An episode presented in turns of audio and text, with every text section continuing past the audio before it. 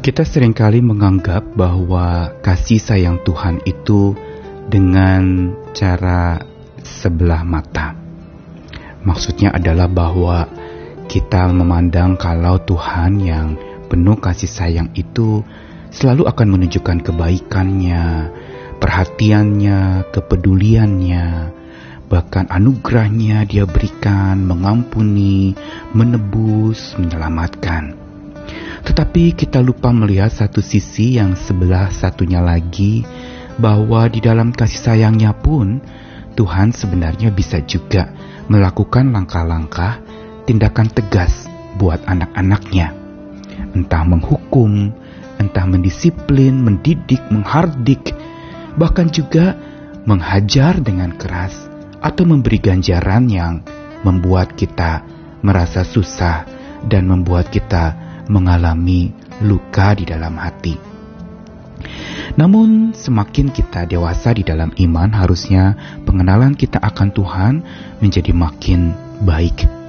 Kasih yang Tuhan berikan harusnya, kalau kita katakan itu kasih yang sempurna, maka Dia sempurna bukan saja memberikan kepada kita hal-hal yang baik, tapi juga menguji iman kita agar menjadi baik bukan saja menunjukkan kasih sayangnya yang tidak pernah berkesudahan, tetapi dia juga bisa menjadi berang dan marah, mengungkapkan akan kekesalannya, kesedihannya karena kita menyimpang dari jalannya.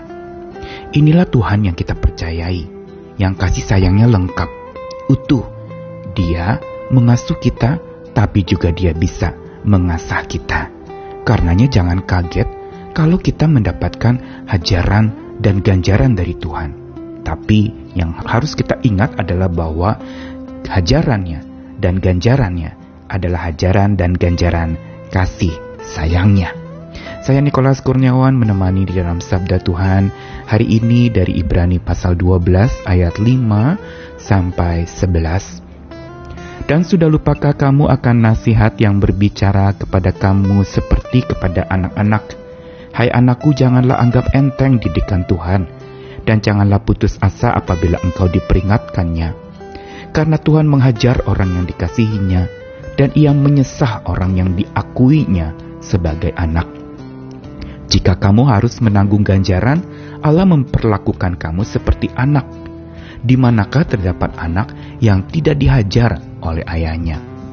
Tetapi jikalau kamu bebas dari ganjaran yang harus diderita setiap orang, maka kamu bukanlah anak tapi anak-anak gampang. Selanjutnya dari ayah kita yang sebenarnya kita beroleh ganjaran dan mereka kita hormati. Kalau demikian bukankah kita harus lebih taat kepada Bapa segala roh supaya kita beroleh hidup? Sebab mereka mendidik kita dalam waktu yang pendek sesuai dengan apa yang mereka anggap baik. Tetapi dia, Tuhan, menghajar kita untuk kebaikan kita supaya kita beroleh bagian dalam kekudusannya. Memang tiap-tiap ganjaran waktu diberikan tidak mendatangkan sukacita, tapi duka cita. Tapi kemudian ia menghasilkan buah kebenaran yang memberikan damai kepada mereka yang dilatih olehnya. Penggalan dari Ibrani pasal 12 ini adalah sebuah bagian tentang kasih sayang Tuhan yang tegas dan ini yang sering kali dilupakan oleh banyak orang percaya.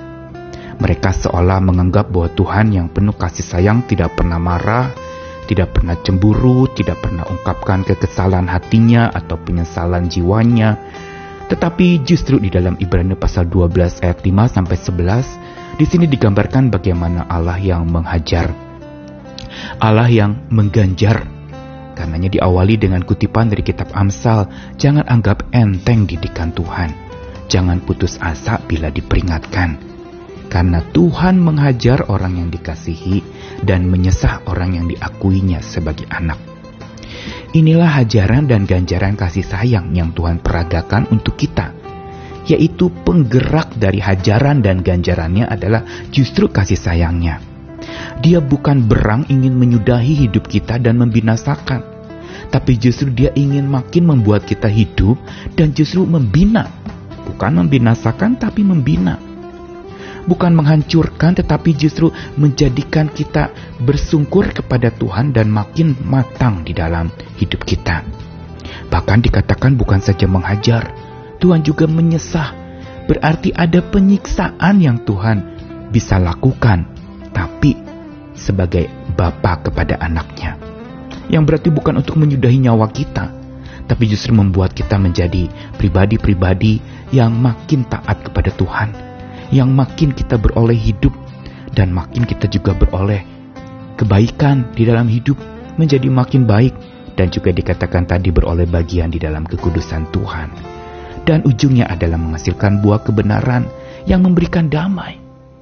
Jadi jelas sekali bahwa ganjaran dan hajaran kasih sayang Tuhan adalah ganjaran dan hajaran yang ujungnya adalah damai sejahtera, yang ujungnya adalah kebenaran, bukan sesuatu yang membuat kita menjadi sakit hati atau terluka, tapi justru memberikan kepada kita sebuah kelegaan bahwa Bapa kita adalah Bapa yang mendidik dan dapat menghardik kita, dan ia tidak dapat dipermainkan.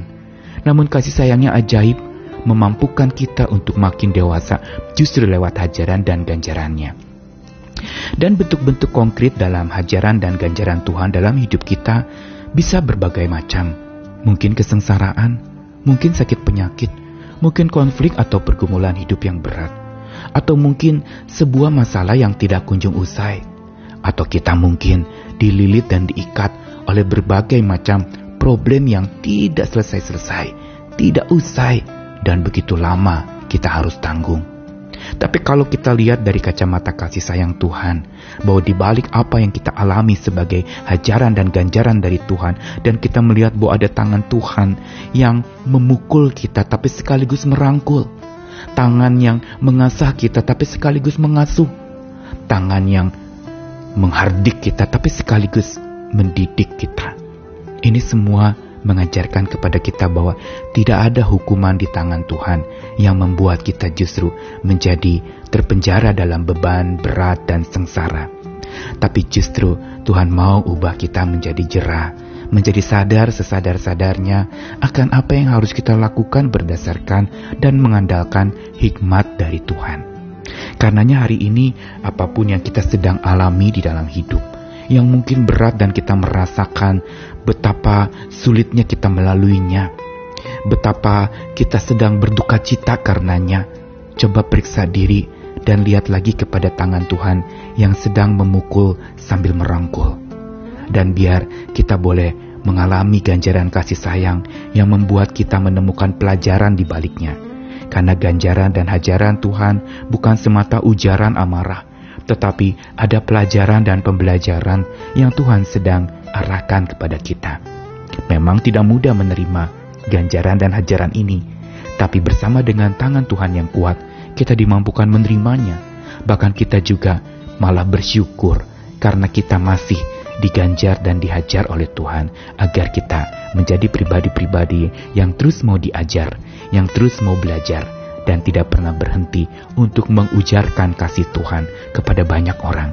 Kasih yang sempurna sudah Tuhan berikan buat kita oleh Bapa yang kekal membuat kita menjadi pribadi-pribadi yang matang dan handal dalam menghadapi berbagai macam persoalan. Selamat dididik oleh Tuhan, selamat menikmati ganjarannya, dan kasih sayangnya tidak pernah jauh daripada kita. Amin.